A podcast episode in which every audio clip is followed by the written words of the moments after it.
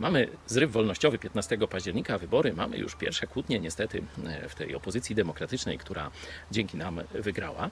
Warto w tym momencie zadać sobie pytanie, w jaki sposób, na czym, na jakim fundamencie mamy zbudować tę nową, wolną Polskę. No już wiemy, że Kościół katolicki ze swoimi pomysłami e, no, całkowicie zawiódł. Ani oni nie przestrzegają tych reguł, które nam chcą pokazać, ani te reguły absolutnie nie działają w społeczeństwie, nie tylko polskim, można upatrzeć i na cały świat. Stąd musimy szukać. Ja Wam dzisiaj proponuję, przeczytajcie sobie dziewiąty rozdział najmądrzejszego polityka z ludzi e, króla Salomona. Księga Przypowieści Salomona, dziewiąty rozdział. Tam są dwa domy, dwie biesiady, jak gdyby. E, Biesiada mądrości i biesiada głupoty. Zobaczcie, jakie cechy mają oba te przybytki.